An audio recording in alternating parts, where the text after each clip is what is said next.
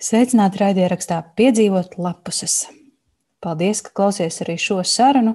Es esmu Aija, un ar mani šodien kopā ir Sandra un Zane, un mēs mēģināsim ierakstīt sarunu par februārī piedzīvoto lapusēs.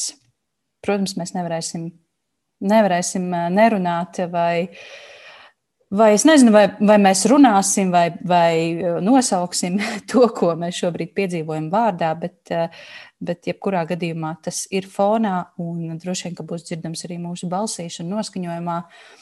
Bet uh, vispirms čau Zāne un čau Sandra. Čau, čau. čau. Februārs ir aizgājis, šis īsais mēnesis, bet tā, tas, kas, tas, kas notiek, notika februārī, to mēs droši vien atcerēsimies vēl ilgi. Bet eh, parunāsim par to, kas tad ir izlasīts. Eh, bet pirms mēs sākam to, es gribu pateikt paldies patroniem, eh, kas atbalsta šo, šo mm, raidierakstu. Un, ja jūs joprojām to vēlaties darīt, droši to dariet. Ja jums liekas, ka šo naudu, ko jūs veltāt šim projektam, jūs varat izmantot liederīgāk, es un mēs neapvainosimies, ja jūs atteik, atteiksieties no šī abonementa. Bet, jebkurā gadījumā, cik nu būs mūsu spēkos, gan fiziskajos, gan garīgajos, mēs turpināsim runāt par grāmatām, jo iespējams grāmatas būs tās, kas mūs paglābs no drūmām sajūtām, drūmām domām. Bet par to mēs arī vēl parunāsim droši vien ar Zāni un Candru. Un februārī mēs patroniem ierakstījām sēriju, kurā mēs runājām par erotisko literatūru. Tā bija visnotaļ mm, aizraujoša sērija. Tur Tur uh, skaļi tika nosaukts uh, ģenitāliju vārdi, nu, ģenitālijas tika nosauktas vārdos, un, un kur vēl trāpīgāku sēriju šim laikam? Um, bet uh, kas, tad, kas tad bija raidieraksta piedzīvot lapuses mēneša grāmata, un, un par ko mēs runāsim? Sandra, tu izvēlējies mēneša grāmatu, un kaut gan tā izvēle bija, bija tik pašsaprotama un nāca kā tāds zibens spēriens, bet pastāstīja no savas puses. Jā, nu, mēneša grāmata bija Lietuvā uh, populārā autora Marijas Marcinkeviča grāmata Akmeņeļas, latviešu tulkojumā Akmentiņš. Tā ir bērnu grāmata, ilustrētā, kas stāsta par ebreju geto un tieši bērniem saprotamā un ilustrētā veidā. Lai arī teksta ir maz, šo grāmatu lasīju pati skaļi priekšā, un, un es tiešām arī pati ļoti raudāju. Bet runājot par uh, pašu grāmatu, es ļoti priecājos, ka viņa latviešu iznāca. Uh, gan šajā saistībā tieši februārs un karš, tas viss ir kaut kādā ziņā sasaistījies, un par to patiesībā ir, nu, pašlaik par to runājot, ir pilnīgi citas domas galvā, kā, kā teiksim, lasot pirms 24. februāra. Uh, un uh, tas vēl projām viss tāds nezināms un, un, un, un, un uh, katrā ziņā, jā, Jā, tā kā tā. Es nezinu, kā jums. Tu, vai tu vari pastāstīt, kāpēc tu izvēlējies šo grāmatu par mēneša grāmatu? Nu, viņa iznāca šķiet 20. gadā Lietuvā, un toreiz es viņu arī kaut kādos savos Instagram storijos rādīju un stāstīju, un es ļoti priecājos, kad ir iznākusi šī grāmata. Uh, Un ka vispār pēdējos, nu, kas tie sanāk, tikai trīs, trīs gados ir tieši ilustrētās grāmatas, kas stāsta par kara tēmu bērniem. Un uh, vismaz manā bērnībā nekas tāds nebija. Uh, par karu man stāstīja tikai vēstures grāmatās, ka tie bija konkrētie cipari, kas bija jāiemācās no galvas, mm, un uh, kaut kādi ģeopolitiskie nosaukumi. Uh, Bet uh, tikai vēlāk, tikai vēlāk, kad es pati sāku vidusskolā lasīt vairāk tādas grāmatas kā uh, Remarku mm, un, un, un, un citas grāmatas par karu, man radās vispār tikai apjausma, ko tas karš īsti nozīmē. Nu, pēc tiem cilvēku cipariem. Un uh, tikai tas, ka pašlaik pēdējos gados parādījušās grāmatas bērniem, tas ir tas ir tikai lielisks, lielisks solis, jo tas ir pilnīgi tik arī interesanti skatīties, kā par šādu smagu tēmu, kur, kur teiksim, mūsu laikos kā, nu, pieklusināti runāja vai par to izvairījās runāt, um, šo pārvērš par tādu vizuāli baudām, tieši mākslas darbu. Mēs arī varam runāt par Sibīrijas haikām, cik viņš ir tāds tāds vizuāli un tekstuāli baudāms stāsts. Un, un viņš pats par sevi ir nu, unikāls darbs. Tāpēc es priecājos, ka šī ir vēl viena grāmata, kas bērniem stāsta un, un ar caur kurām bērniem var stāstīt par šīm tēmām. Jo nu, tā gluži apsaidināt un nezinu, pirmsskolnieku un teikt, tagad parunāsim par ebrejiem, ja tas nu, nav kaut kādā saistībā ar kaut kādiem konkrētiem notikumiem, ir nu, patiesībā tā grūti un to grūti arī tā, tā varbūt to sarunu uzsākt. Šis ir viens no veidiem, kā to normalizēt, ka jārunā par notikumiem un arī, protams, par nāvi un, un par kāru negluži biedējot, bet kaut kādā ziņā mm, skaidrojot situāciju un, un paužot arī savas uh, emocijas. Un, man liekas, pašlaik mums tas viss ir tāds ļoti jēls, un, un mēs paši caur sevi tās bailes izjūtam un visu, kas apkārt notiek. Tad uh, šis ļoti daudz ko tiek novērtēt savā dzīvē un, un pārskatīt tās vērtības. Un, Jā, bet tu droši vien piekritīsi, ka lasīt šo grāmatu pirms 24. februāra un pēc, tas ir pilnīgi divas dažādas pieredzes. Jā. Jā. Un jā. šodien mēs, mēs ierakstām mūsu sarunu 25. februārī. Es esmu nodevusi LSM savai redaktorai LSM rakstu par kara tēmu bērnu jauniešu literatūrā. Tur ir desmit grāmatas, sākot no šī paša akmentiņa līdz rūtai šepetis un viņas jūras sāļumam un starp pelēkiem toņiem, ko es ierakstīju jauniešiem pie, piemērotā literatūrā. Un es vēl šodien rakstīju savai redaktorai un jautāju, Klau, vai būs ok, vai būs labi, ja, ja mēs publicējam šo rakstu šodienas notikumu kontekstā, vai nu, kā, kā, kā vispār par to runāt tieši tagad. Jo nu, es nezinu, es, es savai četrgadniecei um, apmēram, es, jā, es pastāstīju, ka, ka ir tā, kā ir ka melnais putns, un, ja tie, kas ir lasījuši akmentiņu, tad ir brīnišķīga šī melnā putna metāfora. Melnais putns kā karavīrs, kā arī kā karš, kā, kā um, šajā gadījumā kā Vācijas te, šī, šī te vara, bet tas var būt arī jebkurš cits traks vadonis. Uh, ka melnais putns tuvojas, un mans bērns katru rītu sēž pie loga un skatās, vai melnais putns netuvojas. Ne, es, es esmu saprātīgs vecāks, un, un es stāstu savam bērnam, ka mēs esam drošībā, pieaugušie rūpējas, lai mēs esam drošībā, es rūpējos, lai tu esi drošībā. Bet kurš no mums tam tic? Kurš no mums vecākiem tam vispār tic, ka mēs esam drošībā?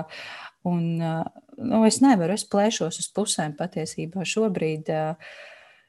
Stāstot savai meitai, runājot ar viņu, bet tajā pašā laikā tas tukšums, kas ir, kas ir vispār šobrīd iekšā, tas ir vājprātīgs un bailes ir vienkārši ne, neizskaidrojami milzīgas.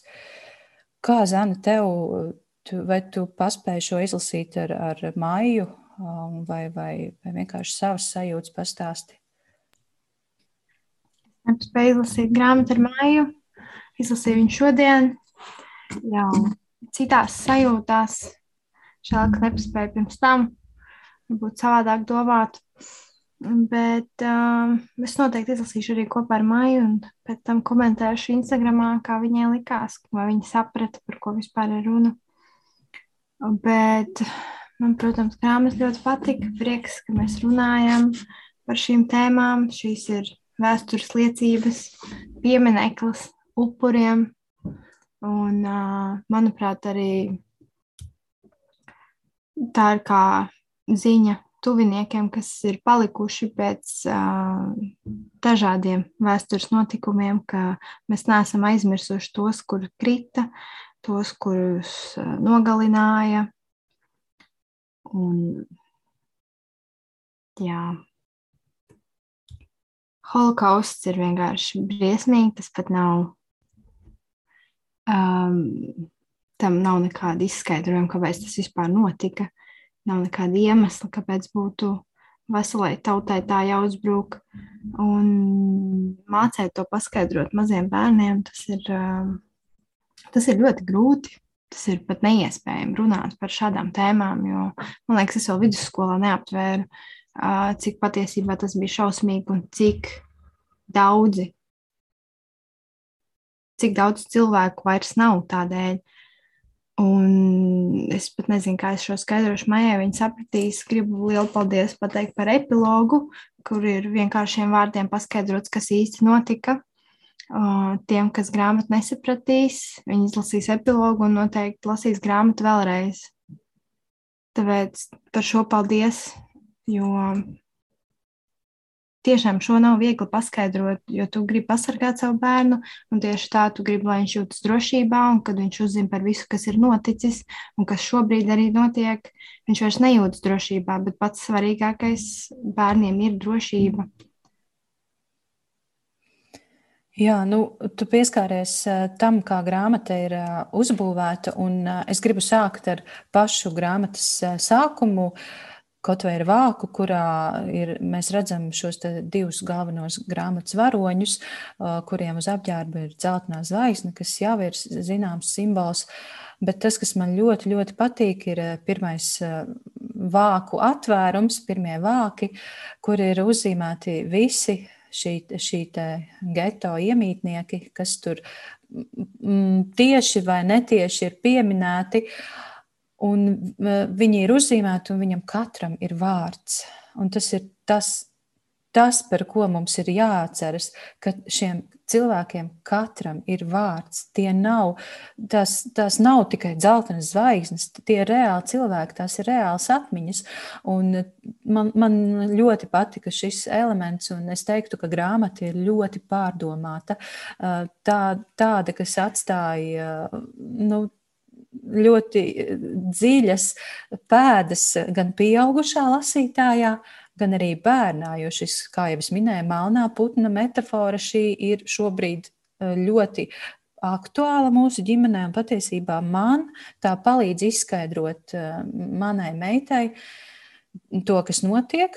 Un, un, jā, un vēl par ko mēs varam parunāt par šīm rētām. Um, mēs, uh, mums izdevās arī dabūt uh, konkursu eksemplāru, ko mēs izspēlējām. Sandra izspēlēja savā uh, profilā, un, un sakotājiem bija jāuzraksta kāds rētu stāsts. Man šķiet, ka šī grāmata un arī tas, kas notiek, ir uzplāsusi nevis tās ķermeniskās rētas mūsos, bet tās emocionālās rētas, kas mums kā uh, latviešiem, lietuviešiem, baltiešiem ir bijušas gadiem, gadu desmitiem, un tagad eh, tās atkal ir uzplāstas. Un šie rēti stāsti, kas bija Sandras profilā, tie bija iespaidīgi un šausmīgi un baisi un, un eh, nelabumu uzdzenoši. Bet uh, mēs, es domāju, ka mēs uh, vairāk šobrīd pārdzīvojam par, šī, par šīm emocionālajām rētām, kas ir vienkārši baismīgas. Kas jums vēl palika prātā, atmiņā, kas, kas pastāstiet eh, par to skaisto dzelteno atvērumu, kurā galvenais varonis priecājas par rudeni? Nu, man ļoti patika grāmatas vizuālais uh, koncepts, kad uh, visa grāmata tiek stilistiski ieturēta. Nu, es teiktu, tā kā trīs krāsu gammās. Tas ir dzeltenais, kas pats par sevi ir tā uh, zvaigzne. Uh, tas uh, tumšais, kā vispār, uh, lai radītu noskaņu, no tas tāds brūnīgais. Un uh, tieši tas, tas vizuālais, tas, ka nu, nu, viņš, tā grāmata tiešām, protams, viņa nav vienkārši par to atver vaļā un no A līdz Z izskaidro, kas notika. Viņa ir tieši tā mākslinieckā vērtība, jo tur ir ļoti daudz to metaforu, tur ir tādas smalkas nianses, ka tieši pats pieaugušais sapratīs. Uh, Un uh, tur ir, jā, piemēram, tas pats, kāpēc ir tas akmens, varbūt pagājušajā reizē jau teicu, jo uz uh, ebreju kapu pieminekļiem uh, nes uh, akmentiņu soļus, nevis, uh, nevis ziedus. Tā kā mums, teiksim, tur ir mākslīgās puķis vai ko, viņi tur nes tos akmeņus. Ja jūs paskatāties internetā, tad tur tie kapi ir nokrauti ar akmentiņiem. Un, uh, tāpēc tas simboliskais, ka pēc katra cilvēka paliek tas mazais akmens, ko pašā beigās tajā dzeltenajā atvērumā ir, ir tie, paši, tie paši cilvēki, tikai no viņiem ir palikuši tikai tie akmentiņi.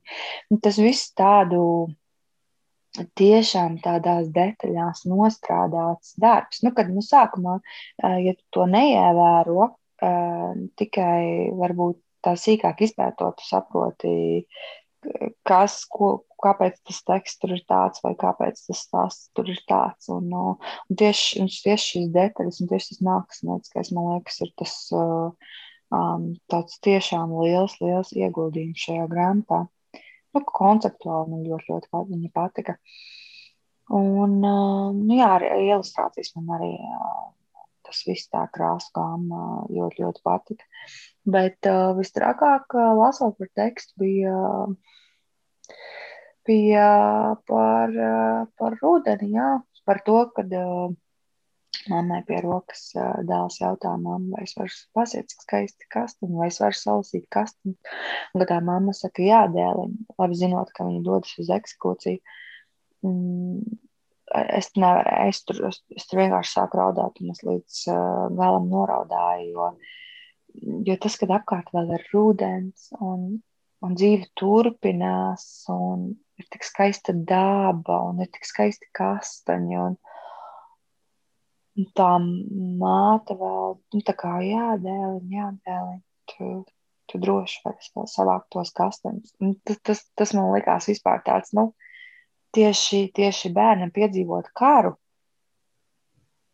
Nu, kad šajā gadījumā viņa teiksim, tur neteica, nē, nē, mums tur nevajadzēs, mums tūlīt nogalinās un tam līdzīgi. Viņa tā kā, viņa tā kā vēl ļauj pēdējo mirkli viņam būt bērnam un, un, un tā kā ļauj to visu piedzīvot.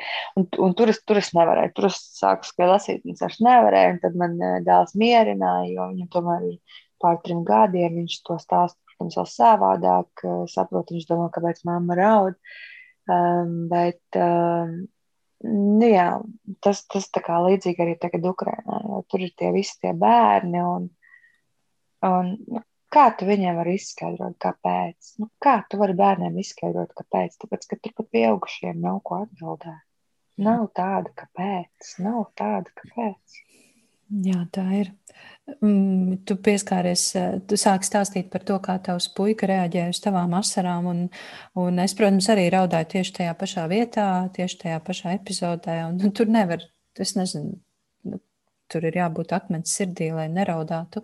Man šķiet, eh, un eh, mana meita šo stāstu klausījās, bet, protams, viņai nebija tādu emociju kā man. Nu, tas ir loģiski, bet viņa saprot, ka man ka man ir kaut kādas emocijas, Un pēc šīs grāmatas izlasīšanas viņa piedāvāja, tagad mamma lasīsim kaut ko smieklīgu. Un mums mājās ir pieklūd, pieklīdusi absolūti mistiska grāmata par, tas ir, ir, tas ir kaut kas pašizdots, grāmata par čukbānīti rūkonīti, kas mūsu ģimenē ir pārtapis jauši nejauši par čurbānīti. Nu, tad, tad katru reizi es šo lasot, šausmīgi smējos, un viņi to zina. Viņa piedāvāja pēc šīs grāmatas izlasīšanas, nu, tagad palasīsim par, par čurbānīti. Nu, labi, mēs lasījām. Un viņa teica, mammu, tagad smejies, tagad smejies, šajā vietā lūdzu, tagad smejies. Viņa tik ļoti gribēja jā, mani dziedināt, tā, tā to var teikt. Bet um, tas, kas man šajā grāmatā ļoti, ļoti patika, un man šķiet, ka Nu, autoriem tas kaut kā tik veiksmīgi izdodas bērnu grāmatās par tādām smagām tēmām, saglabāt to bērnišķīgo naivumu, ka tie bērni Viņi spēlējas, viņi lidina puķi, viņi uztraucas par beigeli, kuru vārna ir paķērusi. Viņi uh, pārdzīvo par ikdienišķiem strīdiem, uh, par, par visu dzīve. Dzīve turpinās arī tad, kad uh, apkārt notiek šausmas, un, un patiesībā tas ir tas, ko mēs redzam. Uh, Arī šodien dzīve kaut kādā veidā turpinās. Mēs, mēs ejam, mēs darām, mēs dzīvojam. Un, jā, mani atkal aizkustināja tas, ko tu, Sandra, teici par to, ka šī mamma cenšas saglabāt tam puikam vēl pēdējos bērnības mirkļus. Tas ir, tas ir droši vien tas, kas arī mums jācenšas jā, mūsu ģimenēs. Saglabāt bērnību. Jā skaisti skan. Es par grāmatu piekrītu to, ko tu teici par vākiem. Un, um, un tās beigās, kur tie akmentiņi ar visiem vārdiem, un tā rīvka tur stāv, un viņa tā kā tāda cerība tur, ka kāds vismaz pārdzīvoja visu šo un palika, lai mums pastāstītu šo stāstu, kas patiesībā notika. Jo um, mēs jau nemaz nezinātu, ņemot vērā, kāda dezinformācija pastāv uh, visur. Katra valsts, katrs portāls mums ziņo kaut ko citu. Un, uh, jā, bez šiem izdzīvošiem mums droši vien pat nebūtu šo stāstu. Būtu vienkārši iespējams, ka tā bija. Un uh, es vienkārši brīnišķīgi grāmata. Tik skaista un skumja un sāpīga. Mm, jā, bet vajadzīga. Bet vajadzīga. Bet, uh, vai jūs saņēmāt kādus komentārus, vai vēstules, vai atsauksmes no, no citiem jūsu sakotājiem, vai, vai radiniekiem, vai līdzgaitniekiem, kas ir lasījuši šo grāmatu? Nu, no pašiem Instagram um, līdzcilvēkiem es tieši nesaņēmu, bet es uh, viņu aizvedu mājās un liku izlasīt abām māsām. Un uh, viņas teica, ka ļoti laba grāmata. Nu, ka no sākuma licies kaut kāda, kas tā par bērnu grāmatiņu, bet es teicu, nē, ka šī ir jāizlasa. Nu, ka tā kā pašām viņām jā, jāizlasa. Es saku, nu, tur nav tā aspekta. Jo man viena māsa ir liela lasītāja, kas uh, paļaujas, pakļaujas manām iegribām un grāmatu sarakstam.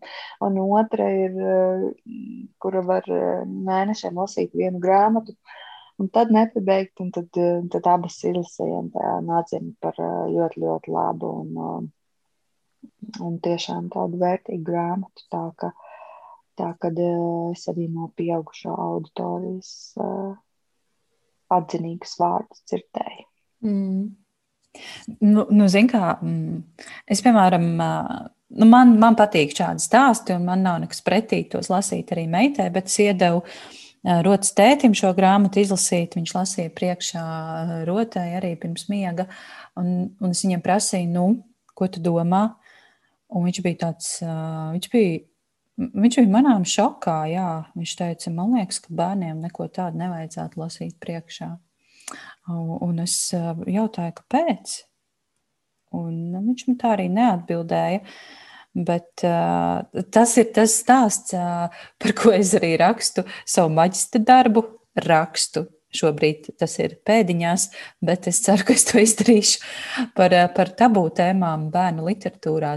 Kas ir tas, no kā mēs baidāmies bērnu literatūrā, kāpēc mēs baidāmies runāt? Jā, par, lasīt, vai lasīt priekšā par karu, par holokaustu, kāpēc mēs baidāmies no, no smagām tēmām. No bīstamām, nu, sarežģītām tēmām. Jā. Un kas, kas ir tas, kas mūs biedē, un kur ir tie cilvēki, kas no tā baidās, un atkal kāpēc? Tas ir interesanti. Jā. Interesanti ir arī um, tiem teiksim, vecākiem, kuri uzskata, ka teiksim, nu, nāve, purkšķi vai vēl nezinu, kas teiksim, ir tēmas, par ko nevajag runāt, tad ir jautājums, kurš ir tas vecums posms, kad drīkst par to runāt. Jo tā jau nav, kad mēs taču skolā arī kaut kad mēs pie šīm tēmām nonākam, jo tad ir tas jautājums, tad, tad kas par to drīkst runāt? Neviens, neviens. Kad, tiku... to, kad par to drīkst runāt? Nekad, tāpēc, ka tikko Nekad. Kristiāns Brekte saņēma kilogramu kultūras balvu, nosauca atsevišķu sabiedrības daļu par divānā purkšķinātājiem un saņēma nosodījumu no cilvēku, no lielas daļas cilvēku. Tā kā jā, atsevišķiem cilvēkiem purkšķināšana ir tabū. Varbūt, ka viņi kā kā dimantus. Es atvainojos. Mēs taču visi esam purkšķinātāji.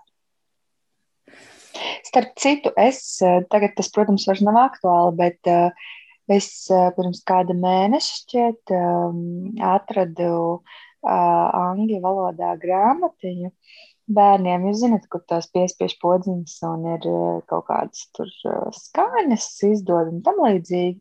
Tādas kartona grāmatiņas, bet šī bija vienkārši fantastiska, jo tur bija dažādi dzīvnieki, kā purkšķina.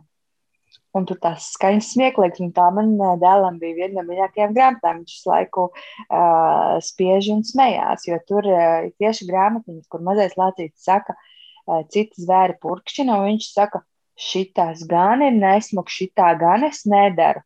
Un tā viņš saka katram uh, dzīvniekam, viņš saka, nē, nu vāverīt, ko tu tur purkšķini, šitas nav pieklājīgi, es gan tā nedaru. Bet tad, kad mazais lācēns paš, pa, pašam pasprūk purkšķis, izrādās viņš viskaļāk no visiem purkšķina. Nu, nu, tāda komiska grāmatiņa, bet Dievs, arī ar savu morāli. Arī ar savu morāli. Es gribēju viņu šausmīgi parādīt, Bet es viņu kaut kā nedēļām visu laiku atliku un atliku, un es domāju, kurš tur ar savām grāmatām uh, uh, uzbāzīšos. Un, uh, tā arī neesmu parādījis. Labi, tagad nav pats labākais laiks, lai viņu rādītu, bet es domāju, viņa tik fantastiska grāmatiņa, nu tik mīļa un, un arī patīk bērniem tur tos purkšķīšus tur uh, paspiest. Nē, nu, interesanti, Sandra. Tu kā grāmatu blogeri saki, ko es tur ar savām grāmatām uzbāzīšos. Tas ir visnotaļ interesanti. Huh, labi, kur mēs palikām? Mēs palikām pie atsauksmēm. Jā, tā. Ginta par grāmatu akmentiņš komentē šādi. Tikko aizvēru pēdējo lapas pusi, abrīnoju spēju tik mīļi izstāstīt tik sāpīgas tēmas. Ļoti skaisti ilustrēta grāmata, Sākumā nevarēju saprast, kāpēc tās nosaukums ir akmentiņš, bet tagad zinu. Dvēsele aizskāra un asara noritēja. Nu jā, mēs, mēs visi, mēs visi, kas lasījuši, nu es tā pieņemu, ka visi, var jau būt, ka ne visi, ir aizkustināti. Uh, kurš nolasīs ievas atsauksmi? Es varu. Maza, bet tik liela grāmata bērniem par holokaustu. Grāmatu patreiz lasīju tikai es un saviem zēniem, 6 un 5 gadi. Vēl nesaņēmos to izlasīt, jo, manuprāt, tam nedaudz ir jāsagatavojas. Grāmata man kā pieaugušiem, kas par holokaustu zina gana daudz, ir saprotama un sirds sažņauta, zinot to, ko slēp burti un kas patiesībā ir tas, ko redz zēns. Tomēr, manuprāt, bērns šīs grāmatas zemtekstus bez paskaidrojuma nesapratīs. Tādēļ ļoti aicinu šo svarīgo grāmatu lasīt kopā ar bērniem. Mums lasiet, apsēsties un padomājiet par šo briesmīgo laiku. Apdomājiet atbildes, ko vajadzēs sniegt bērniem par to, kādēļ zēns tika aizvests no mājām, kāpēc pie krūts bija jānēsā dzeltena zvaigzne, kāpēc visi mīļie pazuda un neatgriezās, un kāpēc grāmata beidzas ar māmiņas sirdspūkstiem, kas pārtop mūžīgā klusumā. Jā, man ir vēstule arī no Gunas, un Guna raksta, ka kopumā par saviem eh, februāra iespaidiem lapusēs un piemin arī akmentiņu, par kuru grūti ar vārdiem kaut ko pateikt, tikai ar sajūtām. Noteikti līdzīgi kā Sibīrijas haiku, akmentiņš ir izcila grāmata, kuru kopā ar bērnu sākt iepazīt un tuvoties sāpīgām pagātnes tēmām. Pieaugušajiem, vismaz man, tas ir asaru stāsts. Nu, tad Gunā jāraksta par to, kur tad mēs esam šodien. Realitātē, kurā uh, kad mums ar bērniem jārunā par to, kas notiek tik tuvu mūsu valstī. Mēs atļausimies izlasīt arī Ivatas atsauksmi Gudrīdā. Varbūt, ka drīzumā cerams, ka Ivata publicēs arī Instagramā savu atsauksmi. Man gribas uzslavēt grāmatu izdevējus, kas lūkojas kaimiņu valstu virzienā un izdod tulkotās grāmatas no Igaunijas un Lietuvas. Mūs vieno vēstures notikumu un esam līdzīgāki nekā mums pašiem šķiet. Lasot lietuviešu un igauņu grāmatas, var itin viegli sajust līdzīgo kultūras kodu un vērtības.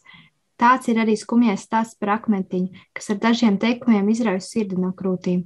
Brīnišķīgie zīmējumi palīdz arī bērniem runāt par smagām tēmām, jo viņi caur tiem raisa savas fantāzijas un iztēli. Mm. Tā ir beta.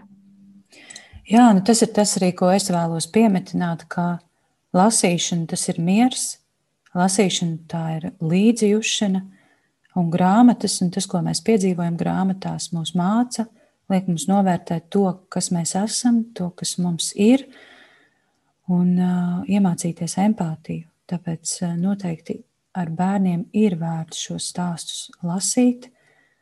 Varbūt viņi neuzdos jautājumus, varbūt viņi uzdos jautājumus un nebaidieties uz šiem jautājumiem atbildēt. Šobrīd internetā var meklēt brīnišķīgi daudz noderīgas informācijas, kā ar bērniem runāt par šīm smagajām tēmām.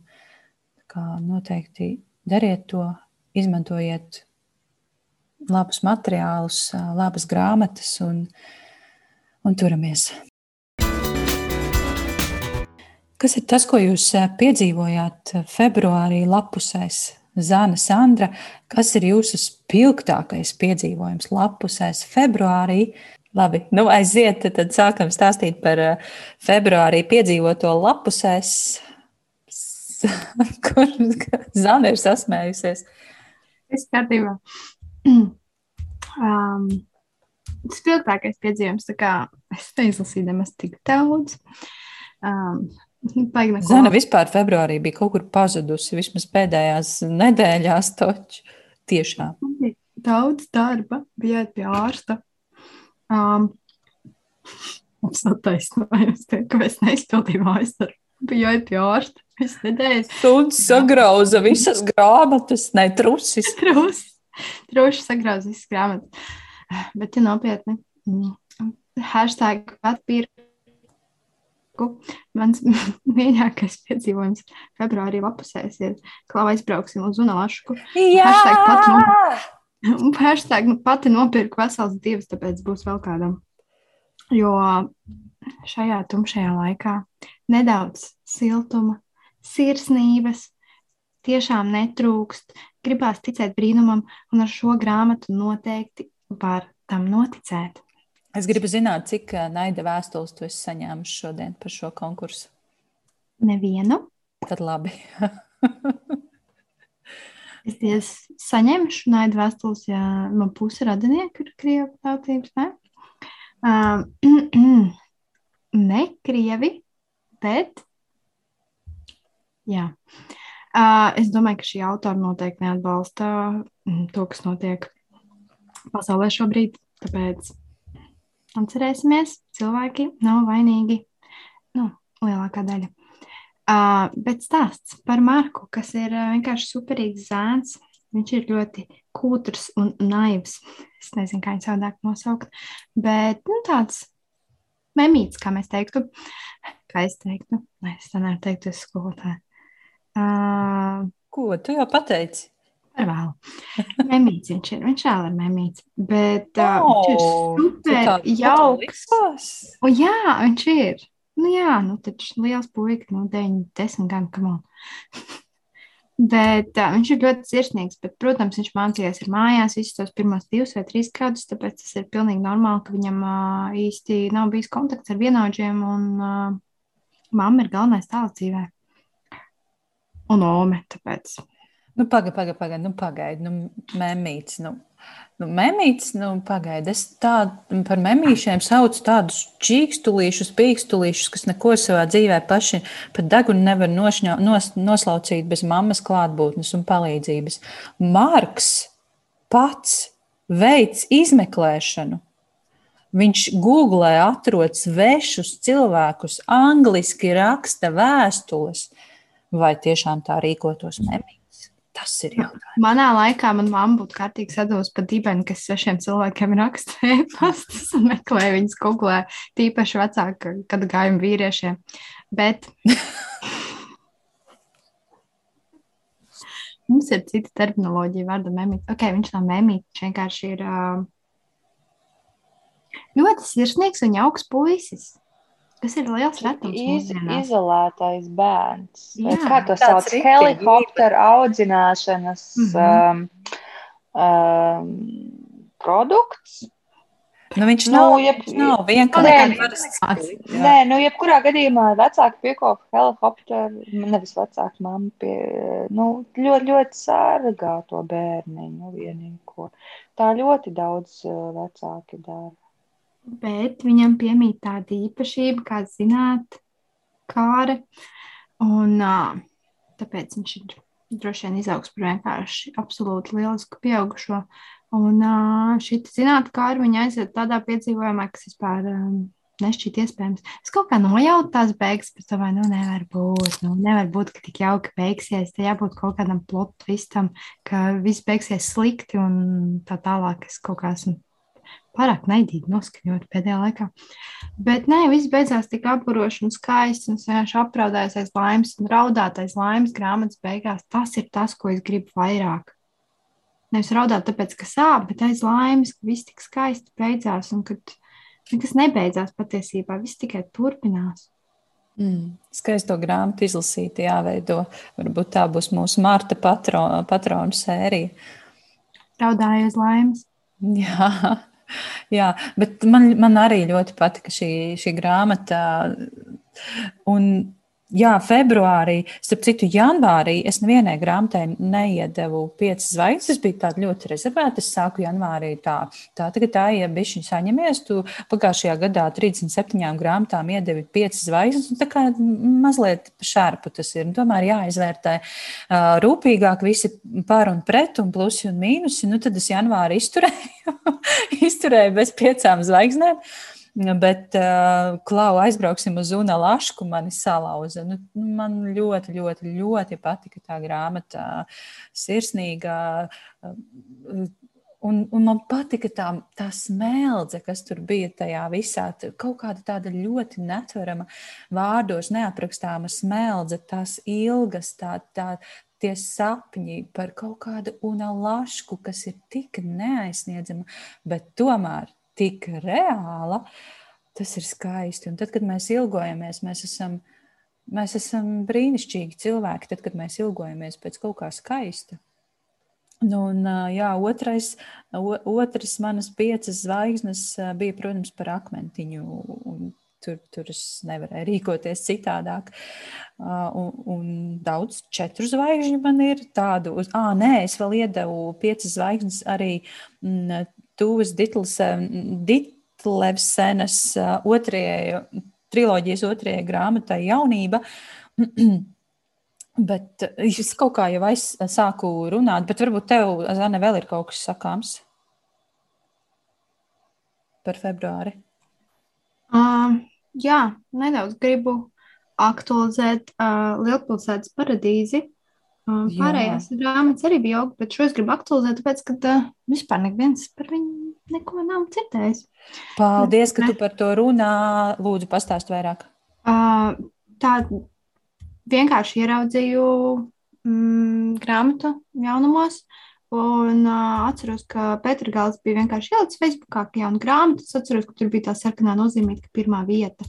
Un, uh, jā, šī grāmata saņēmusi 2020. gada kriminālu romānu balvu Vācijā. Pēc Vācijā. Uh, un tā ir tiešām interesanti. Tā kā wow, es esmu rīktīgi pārsteigta un raisīja manī nenormāls pārdomas. Un uh, vispār uz kurien, kuru tiecas pasaule un kas varētu ar mums notikt nākotnē. Protams, tagad es to visu domāju pavisam savādāk. Iespējams, ka nekāds nākotnes nav. Bet uh, šī te tēma ir par to, ka valdība kontrolē pilnīgi visu. Negluži vēl domas, bet viņi zina, lai, kur tu atrodies, viņi zina tev veselības stāvoklī. Uh, pašnāvību nav, jo depresija neeksistē. Uh, nav nekādu bērnu vai cilvēku ar Dauna sindromu, nav nekādas invaliditātes, nav nekā. jo it kā tas ir izārstēts.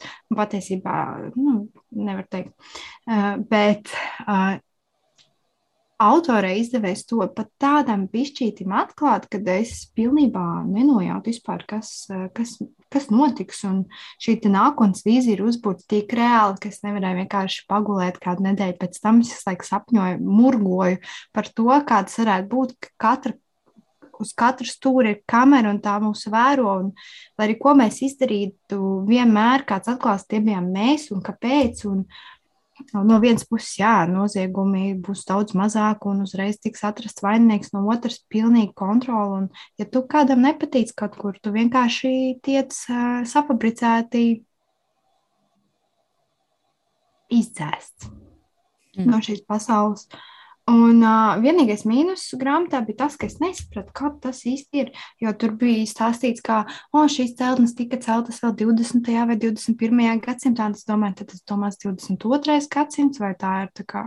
Nu, tas tā kā īsti netika pateikts, un tas man riktīgi kaitināja. Es laikam likās, ka tas ir. Es laikam paši ir vēlreiz, nē, uz grāmatas vāka tas nav rakstīts. Ok, varbūt tas kaut kur atklāsies, bet uh, vai nu es palaidu garām, vai nu tas netika atklāts. Bet tas kaut ko baigi mainītu tavā? Nē, tajā... bet tas kaut kā man iesēdās, kad tas ir, kad šis ir domāts. Jo sākumā tu nesaproti, domāta nākotne. Es domāju, vienkārši nu, tāda supermoderna, es nezinu, Vācijā sen esmu bijusi, varbūt tur jau tā notiek. Uh, bet, jā, no vienas puses, uh, es nepateicu cilvēkiem, mm, ir čipi, kas visu laiku monitorē viņa veselības stāvokli. No vienas puses tas likās, jā, superīgi. Tu, uh, tas tāpat kā, kad tev ir diabetes, tev jau ziņo, uh, kas notiek tevī. Un tur ir šī programma, kad um, tavā telefonā, kad uh, viņš jūt, piemēram, šai galvenajai varonai bija uh, sirds transplants jau divas reizes, un uh, programma jūt, ka tev paliek slikti un tiek uzreiz izsaukta ātrā palīdzība. Viņa atgādina, ka tev nepieciešams zāles un ar droniem piegādā tev zāles, kad viņi sāk iet uz beigām un tā tālāk. Tādā ziņā, jā, liekas super no otras puses, ko vēl viņi mūsos kontrolē. Mm -hmm. Un, jā, es noteikti iesaku šo grāmatu, īpaši, ja patīk krimināla romāna. Noteikti lasiet, jo Es tiešām neesmu redzējis, kāds cits ir izlasījis, un gudrībā, man liekas, arī bija vienīgā, kas latviešu ir ielikusi kaut ko, bet nu, varbūt kaut kas jau mainījies. Jā, paldies, paldies, ka tu par šo uz, uzrakstīji un izstāstīji. Jo es arī gribu pievērst Pētergāļa izdotajām grāmatām uzmanību. Šī, šī bija viena no tām, ko es ļoti gribu izlasīt, bet es saprotu, ka man fiziski tam šobrīd nav laika. Es esmu paņēmusi no bibliotēkas Ismailā Kadāras mirušo armijas ģenerāli, kas ir šobrīd iekļauta Laligabas garajā sarakstā nominācijā tulkojumi. Tas arī ir Pētera Gaļa izdevums, Dena Dimiņa tulkojums no albāņu valodas. Es ļoti gribu to izlasīt, bet es, es saprotu ar, ar kaut kādu mm, apziņu, ka es to grāmatu droši vien aiznesīšu atpakaļ uz bibliotēku, neizlasīt. Un tāda, diemžēl, ir šobrīd situācija. Es, ja godīgi, jau otro dienu nesmu lasījusi vispār ne rindas grāmatā. Man nošokēja, bet es aizmirsu piemirst par grāmatu. Grāmata ir vienkārši oda feminismam. Sievietes. Vienkārši tāds ir, ka grāmatas varoņi ir tikai sievietes. Un Zoja Beka, kas ir grāmatas autora, ļoti iestājas par feminismu un sieviešu tiesībām, un to ļoti atklāja arī grāmatās savās. Tāpēc es arī no, iesaku šo autoru, jo viņi par to ļoti daudz runā, ietēp to arī visos sižetos. Un tāpēc viņa arī kļuvusi ļoti, ļoti populāra Vācijā, jo kaut kas tiek izkustināts. Detektīvs nav tikai vīrieši vai sievietes bez vīriem. Aha, ok. Nē, nu labi. Es domāju, ka Zana mūs ir ieintriģējusi un lasīsim Zoju Bekas lielpilsētas paradīzi. Lasīsim, lasīsim, kad mēs to varēsim, un mums būs spēki fiziski, garīgi to izdarīt. Sandra, kas bija tavi spilgtākie piedzīvojumi lapusēs februārī? Es tāpat kā tu neesmu vairāk dienas lasījusi, vienkārši nespēju koncentrēties lasīšanai. Un uh, tieši tāpat kā tev janvārī izrādās, man nav nevienas piecas taiksnes, bet, kā zināms, es viņas ļoti maz kam dāvāju. Bet tev ir 4,7. nē, nē, nē, izrādās man februārī ir trīs piedzvaigžnieki. Wow, un es wow. pat nezinu, kur viņi ir uzradušies. Tur gudrībā viens pēc Kāds ir gudrība? Kāds ir mana gudrība? Uzsahakojis, sakakojis. Nē, bet, ja nopietni, tad par vienu grāmatu jūs noteikti zinat, kas ir kriminālais vēstures romāns, kas man vienkārši norāva jumtu. Tas vienkārši, nu, runājot par piecām zvaigznēm, kāpēc, kam es dodu piecas zvaigznes, tas nozīmē, ja ir iestājusies tā sestā maņa, es nezinu, kā to sauc, es viņu saucu par sesto maņu, tas ir tad, kad tev ieslēdzas visas emocijas, un liekas, wow, jā, šī ir mana grāmata, tas ir īstais laiks, es viņai, nu, pārsvarā tās grāmatas arī izlasu tā kā non-stopā, Un es pilnīgi esmu iekšā, un ja kurš kaut kāds ārējais faktors man liekas, par ko jūs vispār runājat? Es esmu pašlaik 17. vai 18. gadsimtā, un liekat man mieru. Tad viena grāmata piedzvaigžņu ir 1793, tāds ir arī nosaukums. Uh, kas ir pamatīgs blēks, tad man viņš vienkārši norāva jumtu, un es to nebiju gaidījis. Viņa ir tik ļoti patiesībā grafiski, brutāli, barbariska, kad es neieteiktu to lasīt visiem. Es gribēju teikt, neieteikt lasīt grūtniecēm, bet uh, tas uh, šoreiz nestrādā. Uh, jo, kad es mammai teicu, māmiņ, šis tik laba grāmata, šo vajag izlasīt, vai tas viņa saka, nu, tev nu gan šito nevajadzēja lasīt. Nu, viņa izrādās kaut kad ir. Nu, redz, kā man mamma, man mamma lasa tādas grāmatas, bet uh, viņa ne, nu, ar viņām tāds reiz ne, neplātās, jo, nu, tā kā patika, bet briesmīga un nevar tā kā visiem ieteikt to. Sandra, vai šis bija oficiāls baby review? Vai Neko tas nezinu. ir jāizgriež? Tā, nē, uh, bet šī grāmata ir vienkārši nu, man viņa tik ļoti patīk, ka es ļoti baidos, eh, kas būs nākamajā daļā. Es vienkārši nu, es negribu sa sagrot savas expectācijas, jo parasti second part un third part ir tomēr vājāki un uh, vairs nevar dabūt atpakaļ tās emocijas un liekas, šis jau ir kaut kur lasīts, tas ir kaut kur bijis, un tāpēc man visu laiku ir tā dilema, vai man vispār tā kā lasīt to otro daļu. Uh, bet, nu labi, tad šis, šī grāmata vienkārši man, nu šī ir tā grāmata, uh, par tām piecām zvaigznēm man, man citām ir tā, ka man gribas teikt, lūdzu, lūdzu, izlasiet visi. Bet šī man ir tāda, ka man tik pašai ļoti patika, ka man ir pilnīgi vienalga, kāds grib lasīt vai negrib lasīt. Nu, jo man viņa, jo, jo, nu, es viņu vienkārši izbaudīju, un man pat negribas, teiksim, kādam kaut ko pierādīt un, teiksim, taisnoties, kad varbūt tur tas tur bija tā, un tas tur bija šī tā. Es negribu taisnoties, man viņa patika un viss. Tad uh, otrs ir otrs piedzvaigžņu grāmata, ir, protams, akmentiņš, jo tomēr uh, viņš izsauc man tās uh, emocijas. Un, un, ja tev rīktīgi atver vaļā emocijas, nu, nu, tu, tu vienkārši nevari neiedot piecas zvaigznes un trešā. Ai, tu, protams, parūpējies man atsūtot veselu čupu ar grāmatām, un, uh, kuras jau pašas par sevi ir lieliskām grāmatām. Lieliskas jau tā kā tas nebija tāds kaut kāds saraksts, randomā paņemts no bibliotekas. Tas bija kā lielisko grāmatu saraksts. Tā kā man tur ir arī daudz četrnieku, bet piecinieks, un es to saku pašlaik, ir februāris, bet tā ir mana, kas tā skaitās, bērnu uh, grāmata top 1 šī gada. Tā ir plaukstas, ir plaukstas sirdī. Sirds plaukstā. Sirds plaukstā. Es atvainojos, ja man ir problēmas ar nosaukumiem. Uh, jo šeit nostrādāja visas manis. Un, un te man nebija jāgaida līdz 30. vai nu, citreiz ir kā līdz pusē gaidi, tā kā, o jā, šis ir ļoti labs stāsts un, un tā kā tā un tā, vai tur vai beigās viss saslēdzas. Bet šis bija no paša sākuma tik labi uzrakstīts, neskatoties to, ka tā ir bērnu grāmata un to sākumā var just, ka tā ir bērnu grāmata, ka viņa ir domāta tieši nu, bērnu auditorijai. Bet kā tas viss nostrādāja. Un es par Sižu tiešām neko negribu teikt, jo šī grāmata ir jālasa, un tur, tur, ne, tur nedrīkst neko atklāt, jo tad tur pazūd visa tā, visa tā būtība, un to es vispār nebiju gaidījusi. Es teikšu atklāti, tas man paldies, Aika, tur ir nekāds mājienas nedēļas. Ļoti labi, ļoti jo... labi, jo Jo tu pareizi saki, tu ne, nedrīkst atklāt to vienu niansu. Es tur biju izgudrojis jau, tu jau zini, es jau biju izgudrojis pilnīgi citu stāstu. Jau. Mm. Es pat neatklāšu kādu, es tur biju pilnīgi izgudrojis. Man tas viss tā saslēdzās. Es nevaru, viņi bija tik labi uzrakstīti, jo, tie, jo viņi bija tik uh, gaiši, skumji, sāpīgi, tā ka sirdi arī rauj ārā.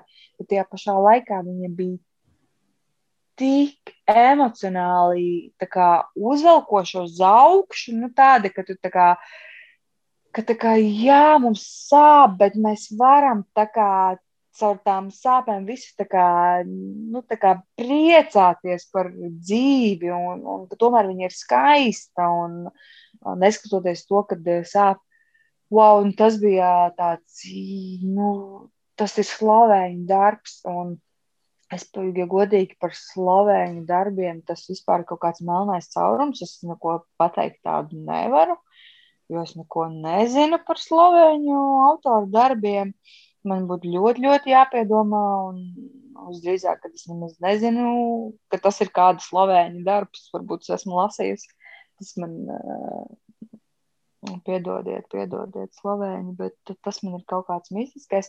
Bet šī bija vienkārši tāds wow, wow, wow, wow, wow cik viņa ir nevis tāda patētiska un tur, ka visu laiku tev tur ir jāraud vai tam līdzīgi, bet tāda, nu, tik dzīve, sirsnīga, nu, tāda, bet, kad, protams, arī tā, tās sāpes un tās emocijas ir, man liekas, tik precīzi arī aprakstīts, ka nu, kā, kā, nu, tur, kā, tur arī ir tas uh, iekļauts, tas, ka uh, ir lietas, par ko mēs tāpat tās kā uh, septiņas minūtes pāri pusnaktī, ir lietas, kuras mēs negribam skaļi sev atzīt. Nu, tas nē, tās lietas. Jo no ārpuses jau mēs varam skaisti runāt, bet dzīvē jau tā nenotiek. Dzīvē nenotiek tā. Uh, Un, un šie arī tie nērtie jautājumi, kas ir sāpīgi, ir tā uzcelt emocionālā līmenī, kad, kad jā, wow, super, super, ka tas tiek tā runāts, ka tas, ka tas nav viss kaut kāds rožu dārs un tam līdzīgi, kad, kad tas viss nāk ar kaut kādu laiku, ar kaut kādu pieredzi un kaut kādu pamatvērtību saprašanu. Bet nu, viņa katrā ziņā ir jāizlasa. Un šī tā grāmata, lai arī skatās bērnu grāmatā, ir jālasa pieaugušiem, jo, jo fū, jā, tā ir noteikti jālasa pie, pieaugušiem. Ļoti, ļoti svarīgi. Bet nu, es šeit visu laiku gribu paspoilot, ko es te apkārt visu laiku muldu. Es pilnīgi runāju kaut kādā randomā. Bet nu, es nezinu, ja tu viņai lasīsi, saproti konkrētās lietas, par ko es, eh, par ko es šeit runāju. Tur vienkārši varētu visādus vārdus ietilpināt. Labi, bet es vienkārši saku, šī ir grāmata, kas ir jāizlasa. Ja 1, 7, 9, 3 es neieteiktu, tāpēc, ka tā tomēr ļoti vardarbīga grāmata, un tur ir wow, kāda vardarbība, ka tev liekas, ka tu lasīji šausmu stāstu. Bet šī ir grāmata, kas ir kā sabiedrībā jālasa, un viņai ir arī tavam vīram jālasa, un es zinu, un ir sevišķi tavam vīram būtu jālasa. Um, bet es pāriešu ātri, kamēr man vēl ir uh, dots raidlaiks uh, pie četrām zvaigznēm, kas arī bija lielas, kas uh, tā bija, protams, trolikas uh, grāmata. Um, Tūlīt paliks labāk. Un vēl četras zvaigznes. Es, man pilnīgi izkrita no. Nu, tur redzēju, jā. jā. Arī ļoti interesanti uzrakstīts uh, skarbs stāsts, bet brīnumainā kārtā es nesaprotu, mm, kā šis stāsts tika uzrakstīts tik, tik tā dzirkstoši, tik tā. Es teiktu, ka šis ir tā tāds. Uh, pareizais saraksts, kā jābūt, kad notiek problēma, kā, um, kā atbilst šudišana internetā. Un še, šeit nav nu par spoilošanu, tāpēc, ka tomēr uz vāka jau tas ir uzlikts kā cevišķi pašiem norvēģu vākiem, tur vispār nav nekāds jautājums, kur meitene stāv pie spoguļa. Un arī aizmugurē, jo šī tomēr ir tēma, kas ir ļoti, ļoti aktuāla, kā mēs zinām, arī pieaugušajiem kas tiek bieži vien izmantots pēc tam gan politisko ceļu, ejot, kaut kādas bildes izraktas pat vīriešiem. Atcerieties, mums šeit temisis bija pliks mazgājies jūrā, kad viņam tur tos plik bildes rādīja. Un ne, arī par padomnieci, kur uh, viņas bildes tika izņemtas no viņa personīgā datora. Tā ka šī, um, šī ir mūsdienu realitāte. Mm.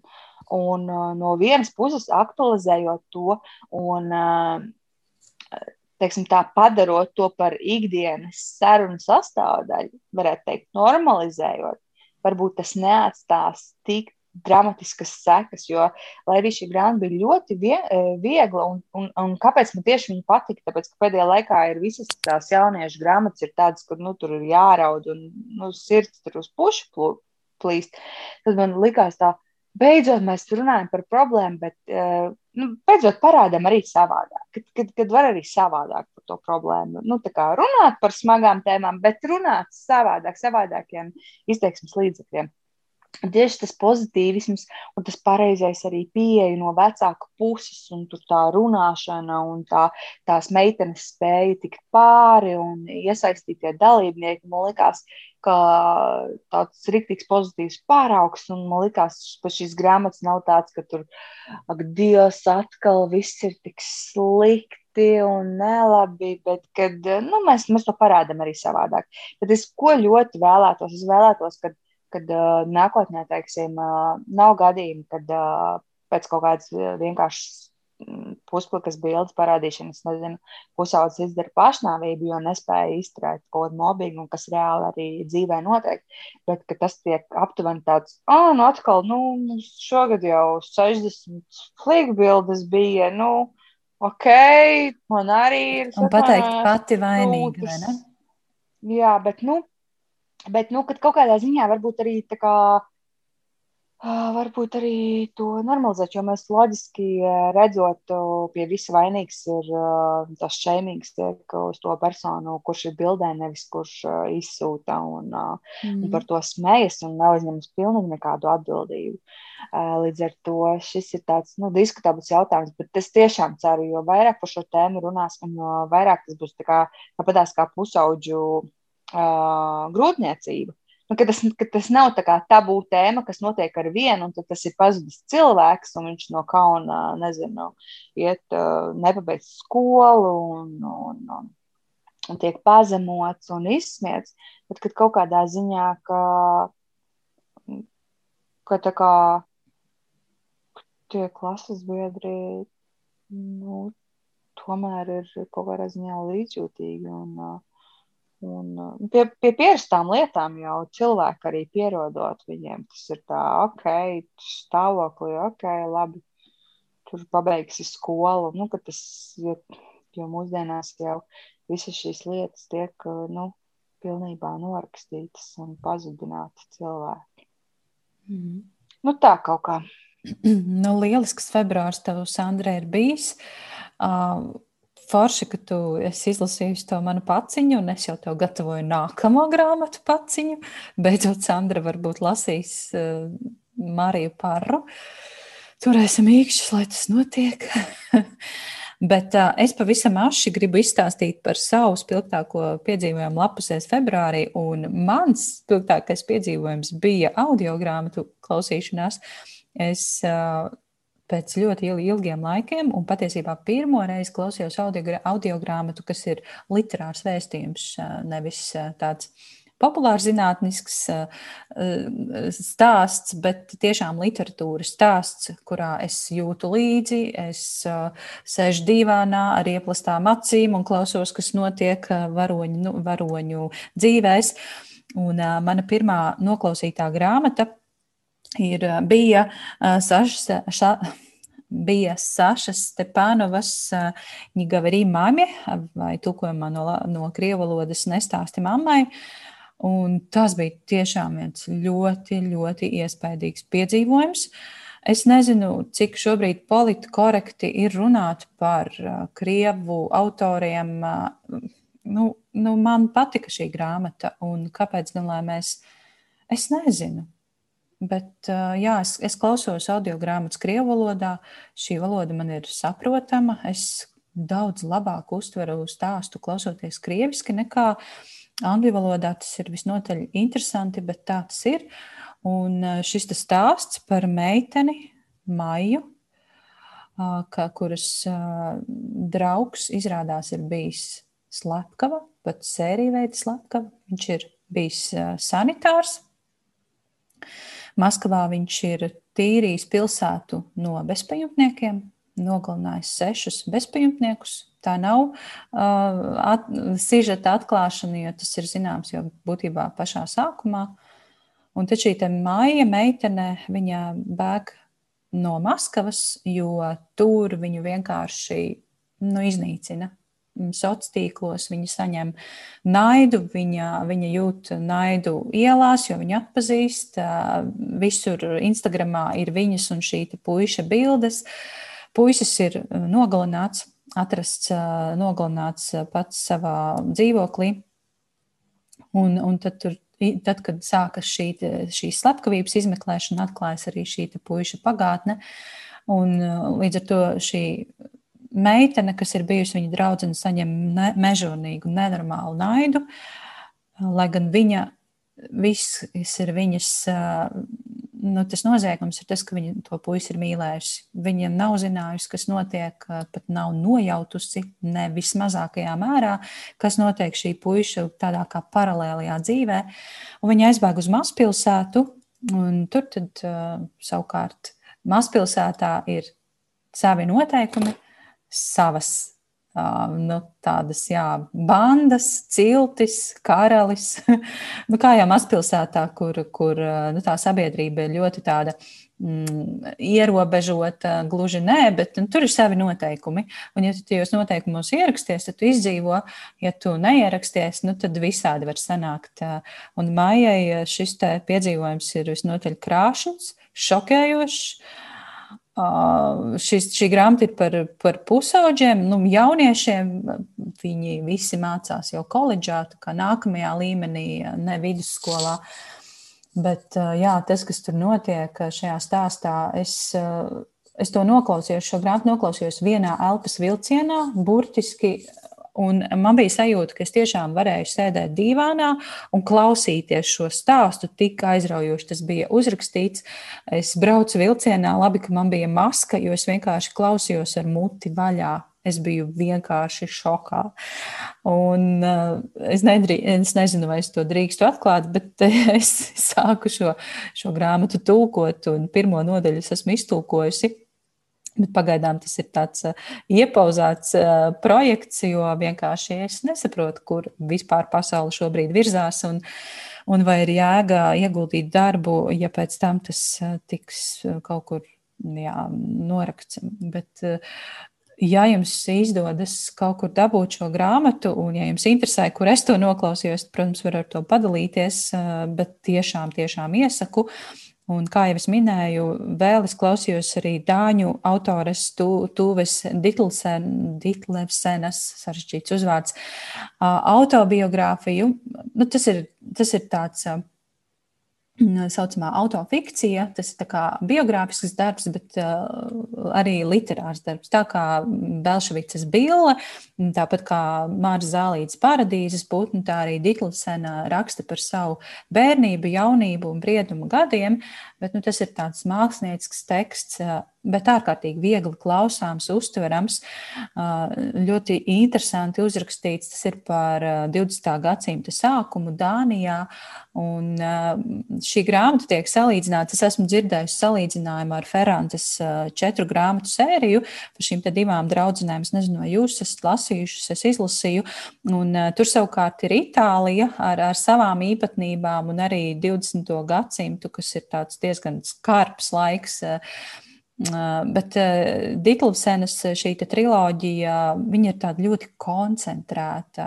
Ferantē četras grāmatas ir tādas biezas, pamatīgas, viņi tur aizplūst, jāsāk liet ūdeņus, un, un tur bija bieži vien tā, tāda mazliet garlaicīgi, garlaicīgs epizods, tad Dikluvsena tiešām ir ļoti interesanti klausīties. Uh, Un eh, es esmu noklausījusies pirmās divas grāmatas, eh, trešā, trešā, trešā droši vien, ka jau pavisam drīz arī būs noklausīta. Man ļoti, ļoti patika šīs, šis stāsts par šo jauno rakstnieci. Uh, kas, kas ir tik ļoti cerību pilna un gaidu pilna gan, gan par sevi gan kā rakstnieci, gan par sevi kā sievieti. Un to ir ļoti interesanti klausīties jā, šo, šo stāstu un zināt, zināt, zināt, ka tāda personība Dānijā ir bijusi. Es par to patiesībā nemaz tik daudz nezinu. Vispār neko nezināju līdz šim. Pavisam ātri ieskatīsimies, kādi tad piedzīvojumi lapusēs bija raidieraksta klausītājiem, sekotājiem. Es saņēmu dažas atbildes, un es labprāt tās aši, aši nolasītu. Mm, mm, Ieva, Mīsīs lasītāja, raksta, ka viņas spilgtākais piedzīvojums februārī bija Dēve Grola, The Storyteller, tas ir, jā, mūziķā bijušā Nirvanas bundzinieka un tagad Foo Fighters mūziķa autobiogrāfija, kuru mēs ceram drīz, drīz, pavisam drīz lasīt arī latviešu valodā. Izauniecība Hēlijus to tulko. Andra no svāru.lv raksta, ka ir izlasījusi vairākas bērnu grāmatas, bet šobrīd iepazīst smadzeņu attīstību pusauģu vecumā. Kristīne raksta, ka viņai ļoti patika uh, grāmata. Jūs vēlēsieties kaut šo grāmatu būtu izlasījuši jūsu vecāki. Tā šķiet ir Hēlijas izdevniecības grāmata par bērnu audzināšanu. Un nu pat viņa ir, Kristīna ir iesākusi arī nervozos ļautiņus, viņa saka, ka tā arī esot laba. Nu, mēs piekrītam, vai ne, par nervoziem ļautiņiem. Līga raksta, ka šomēnes lasa uh, Inga Sābeles Dunu, kas, protams, tikai paspilgtina realitātē notiekošo, un viņa raksta, ka izraudāsies kārtīgi šo lasot. Un 365 lapuses Lāsme raksta, ka viņas spilgtākais piedzīvojums, protams, ir Safons. Viņa ir izlasījusi visas trīs šobrīd iztulkotās Safona grāmatas. Par to ļoti priecājos un visvairāk priecājos, ka izlasīja, izdarīja to pirms 24. februāra, jo arī tieši tāpat kā mēs daudzi nespēja koncentrēties nekam, kas, kas ir lasāms. Jā. Lēldē stāsta par Kāļa Kazāka sākums mūs atrod pats, un tā ir grāmata, kas arī ir manā sarakstā. Es to gribētu izlasīt kaut kāda. Mm, Katrīna no Tvert mirkli ir, ir, ir, ir Katrīna no Tvert mirkli ir izlasījusi Owenses, kur vēži dzied. Un es zinu, ka Katrīna un Ieva no, no mūsu klausītājiem, varbūt vēl kāds, bija arī amorāli šajā grāmatu klubā, kur vēži dzied tika arī ap, aprunāta vai, vai izdzīvota. Un Ivata, kā arī Ginta, piemin Viktora Frankla grāmatu, tomēr teikt dzīvē, jā, kas varbūt ir īstā grāmata šajā brīdī, kas var varbūt palīdzēt, varbūt sakārtot emocijas. Iespējams, ka tas ir tas, ko, ko mēs varam ieteikt martā palasīt. Bet Kristīne aktualizē jā, uz šo manu jautājumu. Kristīne uzrakstīja ļoti, ļoti garu vēstuli par pašizdotajām grāmatām, un tā ir tāda viena sāpīga tēma ko mēs visticamāk runāsim kādā no piedzīvot lapuses sarunām. Es nezinu, vai drīzumā, bet kaut kad runāsim. Un tas, ko Kristīna saka, jā, ka viņai mazliet, ne mazliet, bet tā kārtīgi sāp, ka šīs te pašizdotās grāmatas šobrīd krietni noplicina to, kas notiek latviešu grāmatniecībā. Jo Kristīnas vārdiem runājot, neviena izdevniecība labam autoram neatsaka nu tad, jā, tad, kas tad tiek pašizdots? Un, un es vienmēr esmu aizstāvējusi un iestājusies par to, ka mēs varam lasīt to, ko mēs gribam, un tā patiešām arī ir. Bet es aicinu visus klausītājus un, un grāmatu blogerus un tos, kas ir grāmatās, būt rūpīgiem, būt gudriem lasītājiem un jā, teikt labus vārdus par grāmatām, kas jūs no sirds, no sirds, no sirds ir aizkustinājušas. Es to vienmēr aicinu, bet lūdzu sakiet arī sliktus vārdus par grāmatām, kas jūs ir sadusmojušas, kuras liekas pavirši uzrakstītas. To drīkst darīt. Jā, Es nezinu, vai jums ir kāds ašs komentārs par, eh, par tā saucamajiem pašizdatiem vai pašizdotajām grāmatām. Un eh, es noteikti, man, man patīk tas, ko dara Zānē Nuts. Eh, man patīk viņas centība un apņēmība. Es gan esmu lasījusi tikai Zēnas pirmo grāmatu pieaugušajiem, un, un arī viņas bērnu grāmatiņu. Diemžēl pārējās es neesmu izlasījusi, man viedok, viedokļi nav. Uh, Bet eh, nu, nu, es teiktu, ka zāle ir nu, tāds gaismas stars tajā visā kopumā, eh, ko mēs saucam par pašizdotajām grāmatām. Vai jums ir kāds komentārs, eh, Zāne, Sandra, ko jūs esat lasījušas un, un kā jūs redzat? Jo bibliotekās šīs grāmatas ir. Arī grāmatnīcās šīs grāmatas mēs ik pa laikam kaut kur pamanām, varbūt ne tik daudz, bet uh, jā, šos ļoti eh, aizdomīgos romānus, kas pastāstiet. Es šodien biju grāmatu jaunumu diena, mums ir bibliotekā. Un šoreiz iestājos tikai divām grāmatām rindā, jo liela daļa bija pašizdotas grāmatas, kas man nevieš uzticību.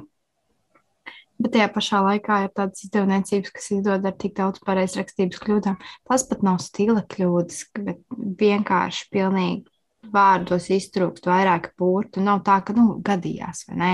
Ir tā, ka tu pamani tāds, ah, reku nepamanījāt. Bet, nu, ka tas ir katrā piektajā lapas pusē, Jā, man šeit ir komentārs tāds, ka e, nu, tur e, nav tāda konkrēta viena viedokļa. Tas būtu kā teikt, vai cilvēki ir labi vai slikti. Tas ir jāvērtē katrs darbs pilnīgi individuāli, jo šeit no abām pusēm var skatīt. Pirmkārt, tas, kad izdod izdevniecība, tas pilnīgi neko nenozīmē, jo tieši tā ir citas izdevniecības, kur tu nesaproti, tas ir tulkots ar Google kaut kādas pilnīgas muļķības un tik daudz visādu kļūdu, ka tu nesaproti, kāpēc tur vispār ir redaktors.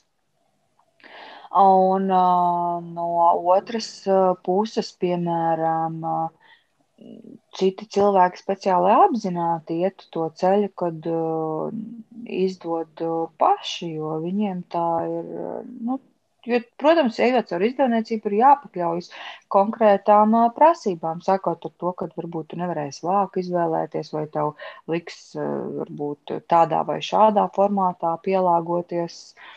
Piedevām vēl maksāt komisijas naudas, jo, piemēram, kā viena no lieliskākajiem piemēriem, kurus nespēju iedomāties, kur izdevniecība vispār tam derētu, ir uh, uh, Fuji grāmata, jā, kas ir arī pašizdotā, izdota ļoti limitētu, tur ir uh, konkrēto darbu, un tajā pašā laikā, mm, protams, varbūt tur var um, strīdēties, kad pietrūkst varbūt literārā redaktora, tieši tur izņemt varbūt vairāk tekstu ārā vai kaut ko tam līdzīgu, bet tā kā tas tā ir grāmata, kā varētu teikt, uh, projekts, tad līdz ar to katru to aizstāvību autors var arī atspēkot, jo viņš ir tieši šādi un nekādi savādāk gribējis. Un, un kaut kādā ziņā man prieks par tiem alternatīvajiem kaut kādiem izdevumiem, kas varbūt mūsu izdevniecības ir tādas, kādas viņas ir. Viņas pārsvarā pārstāv šādu vai tādu modeli, un nevienmēr tev ir iespēja kaut kur iekļauties. Uh, Mm, jo, nu, būsim godīgi, katrai grāmatai ir savs lasītājs. Un, un nav, nav jau tas tāpēc, ka Eirovīzijas dziesmām.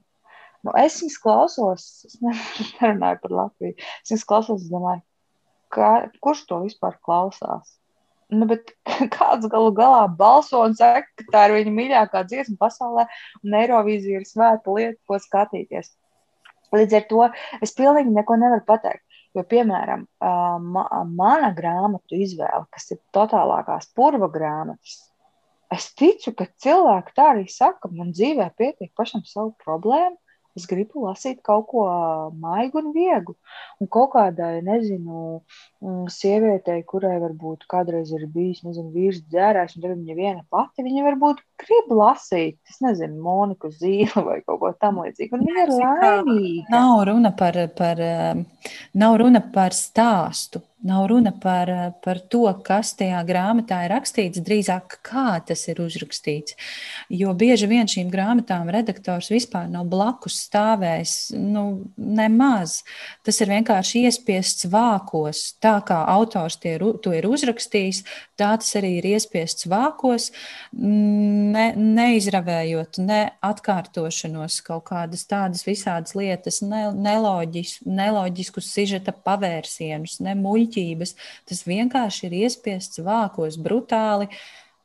Un ta, tas, ir, tas ir tas noziegums. Ne jau tas stāsts ir romāns. Nu, jā, nu, zin, kā, ja laikam, laikam es jau nemaz tik daudz nelasu. Nē, es lasīju tādas, tādas grāmatas.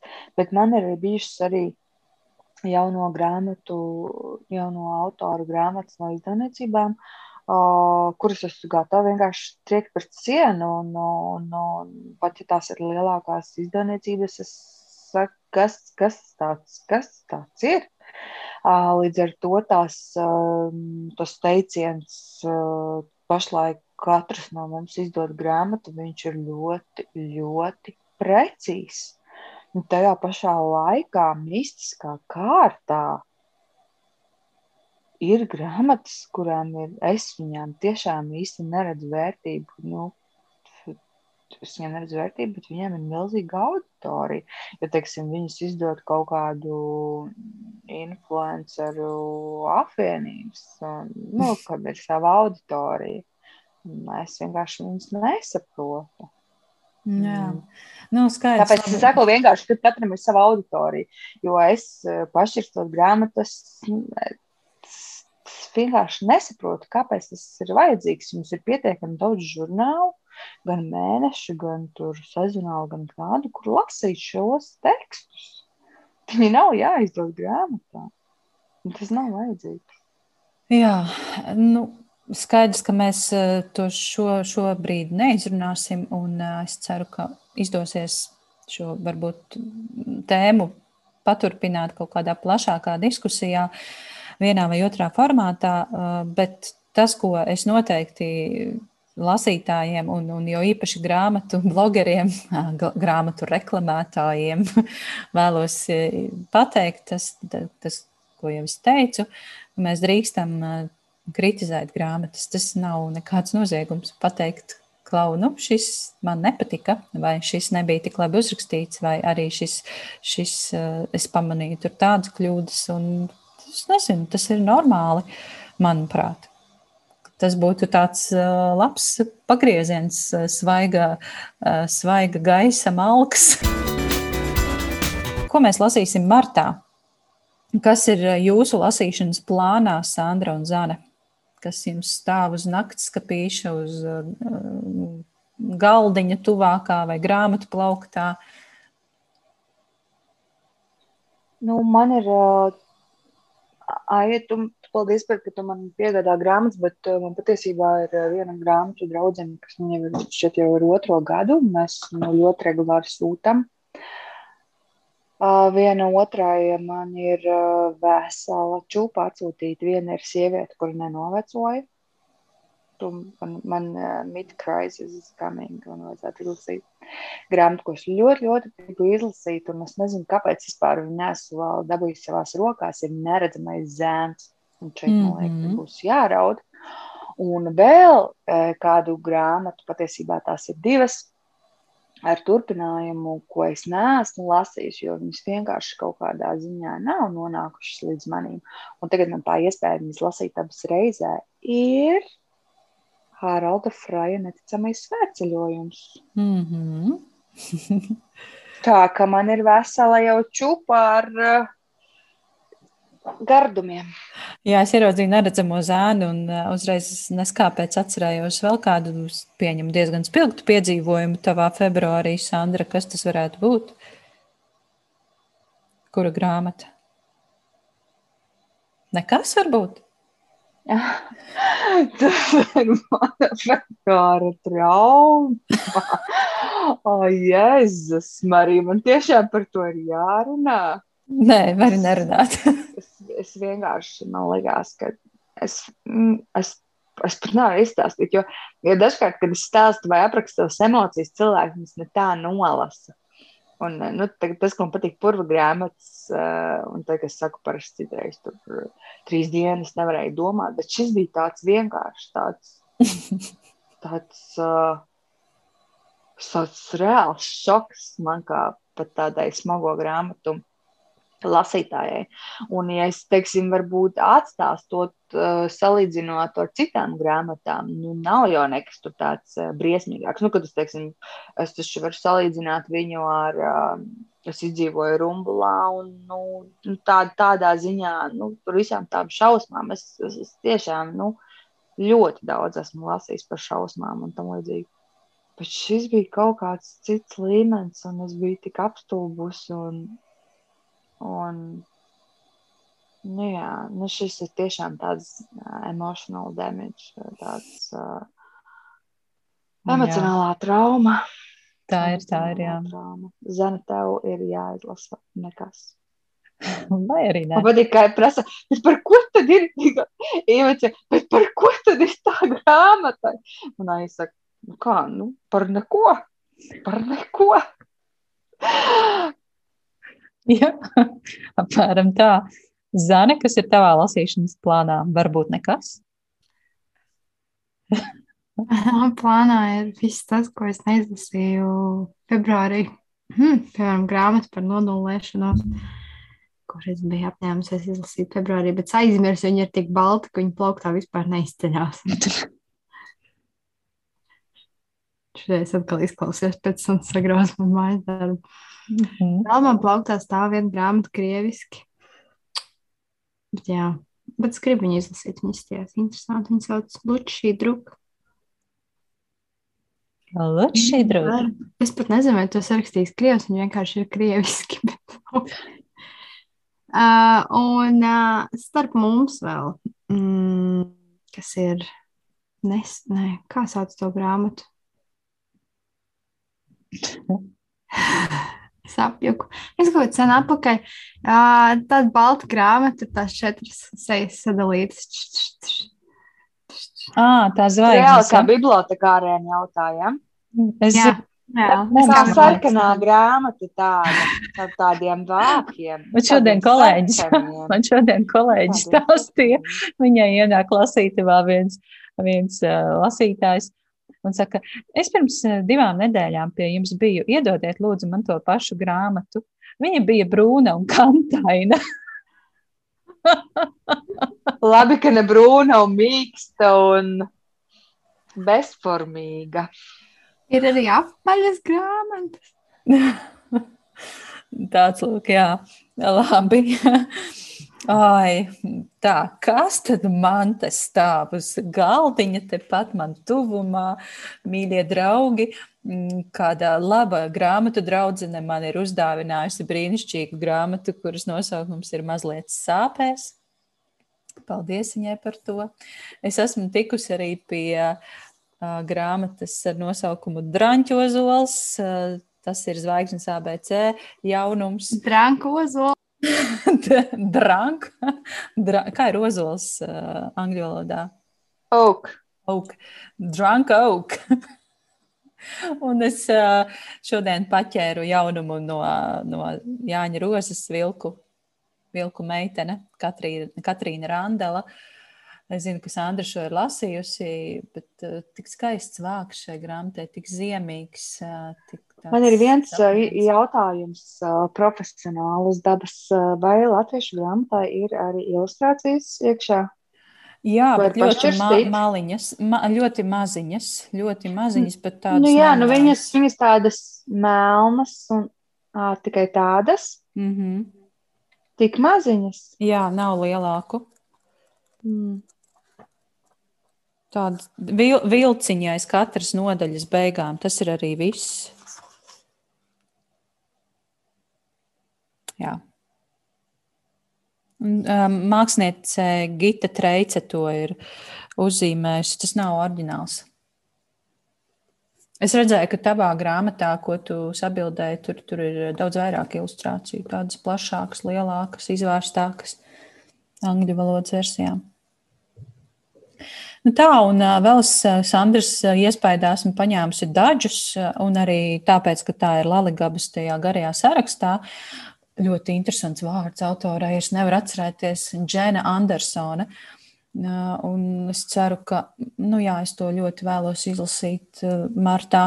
Un vēl, draugi, mīļie, es ļoti ceru jūs visus satikt Ķīpselā 11., 12., 13. martā. Beidzot, pēc divu gadu pārtraukuma, es ceru, kaut gan mēs neko nevaram paredzēt, notiks Latvijas grāmatu izstāde vai grāmatu izstāde Ķīpselā. Uh, Nāciet, tiekamies sestdienā, 12. martā. Es vadīšu diskusiju uz lielās skatuves par bērnu audzināšanas grāmatām. Piedalīsies Viktorija Ozola no blogais pats.lv un Lauris Bokišs no biedrības tēvi. Un mēs runāsim, ko tad mēs kā vecāki varam sagaidīt un ko mēs ceram sagaidīt, lasot bērnu audzināšanas grāmatas. Man šķiet, ka šī būs visai interesanta diskusija. Un, vai, vai arī tiekamies piekdienā. Man rādās, ka arī piekdienā es piedalīšos kādā sarunā, bet pagaidām to es vēl neprecizēšu. Ļoti ceru jūs visus satikt. Un mēs ceram, ka marts būs daudz mierīgāks, bet mums vēl ir jāpaziņo marta mēneša grāmata Un šoreiz mēs esam izlēmušas, ka tā nebūs jauna grāmata, um, sakojot līdzi visam, kas notiek pasaulē un Ukrainā. Mēs esam izvēlējušies, izvēlējušās Ukrāņu autoras Tamāras Horihas Zērņas grāmatu Meitiņa. Un mūsu profilos nebūs jaunas grāmatas izspēle, bet mēs aicinām visus uh, lasīt šo grāmatu, izlasīt, izdzīvot un piedzīvot šo grāmatu. Un, uh, ja jums ir, protams, citas iespējas, kā palīdzēt Ukraiņiem šobrīd, dariet to. Uh, mēs droši vien arī darīsim visu, kas ir mūsu spēkos. Tas, kā mēs lasītāji varam palīdzēt, ir lasīt ukraiņu autorus, un tieši tāpēc uh, šī grāmata meitiņa ar Ukraiņas karogu uz vāka ir mūsu mēneša grāmata martā. Lūk tā. Nu, ko, paldies visiem, kas noklausījās šo līdz galam. Es ceru, ka jūs, jūsos ir kaut kripatiņa miera, vismaz vienreiz dienā. Un, ja grāmatu lasīšana jums palīdz, tad tiekamies nākamajās lapusēs. Tā! Tā.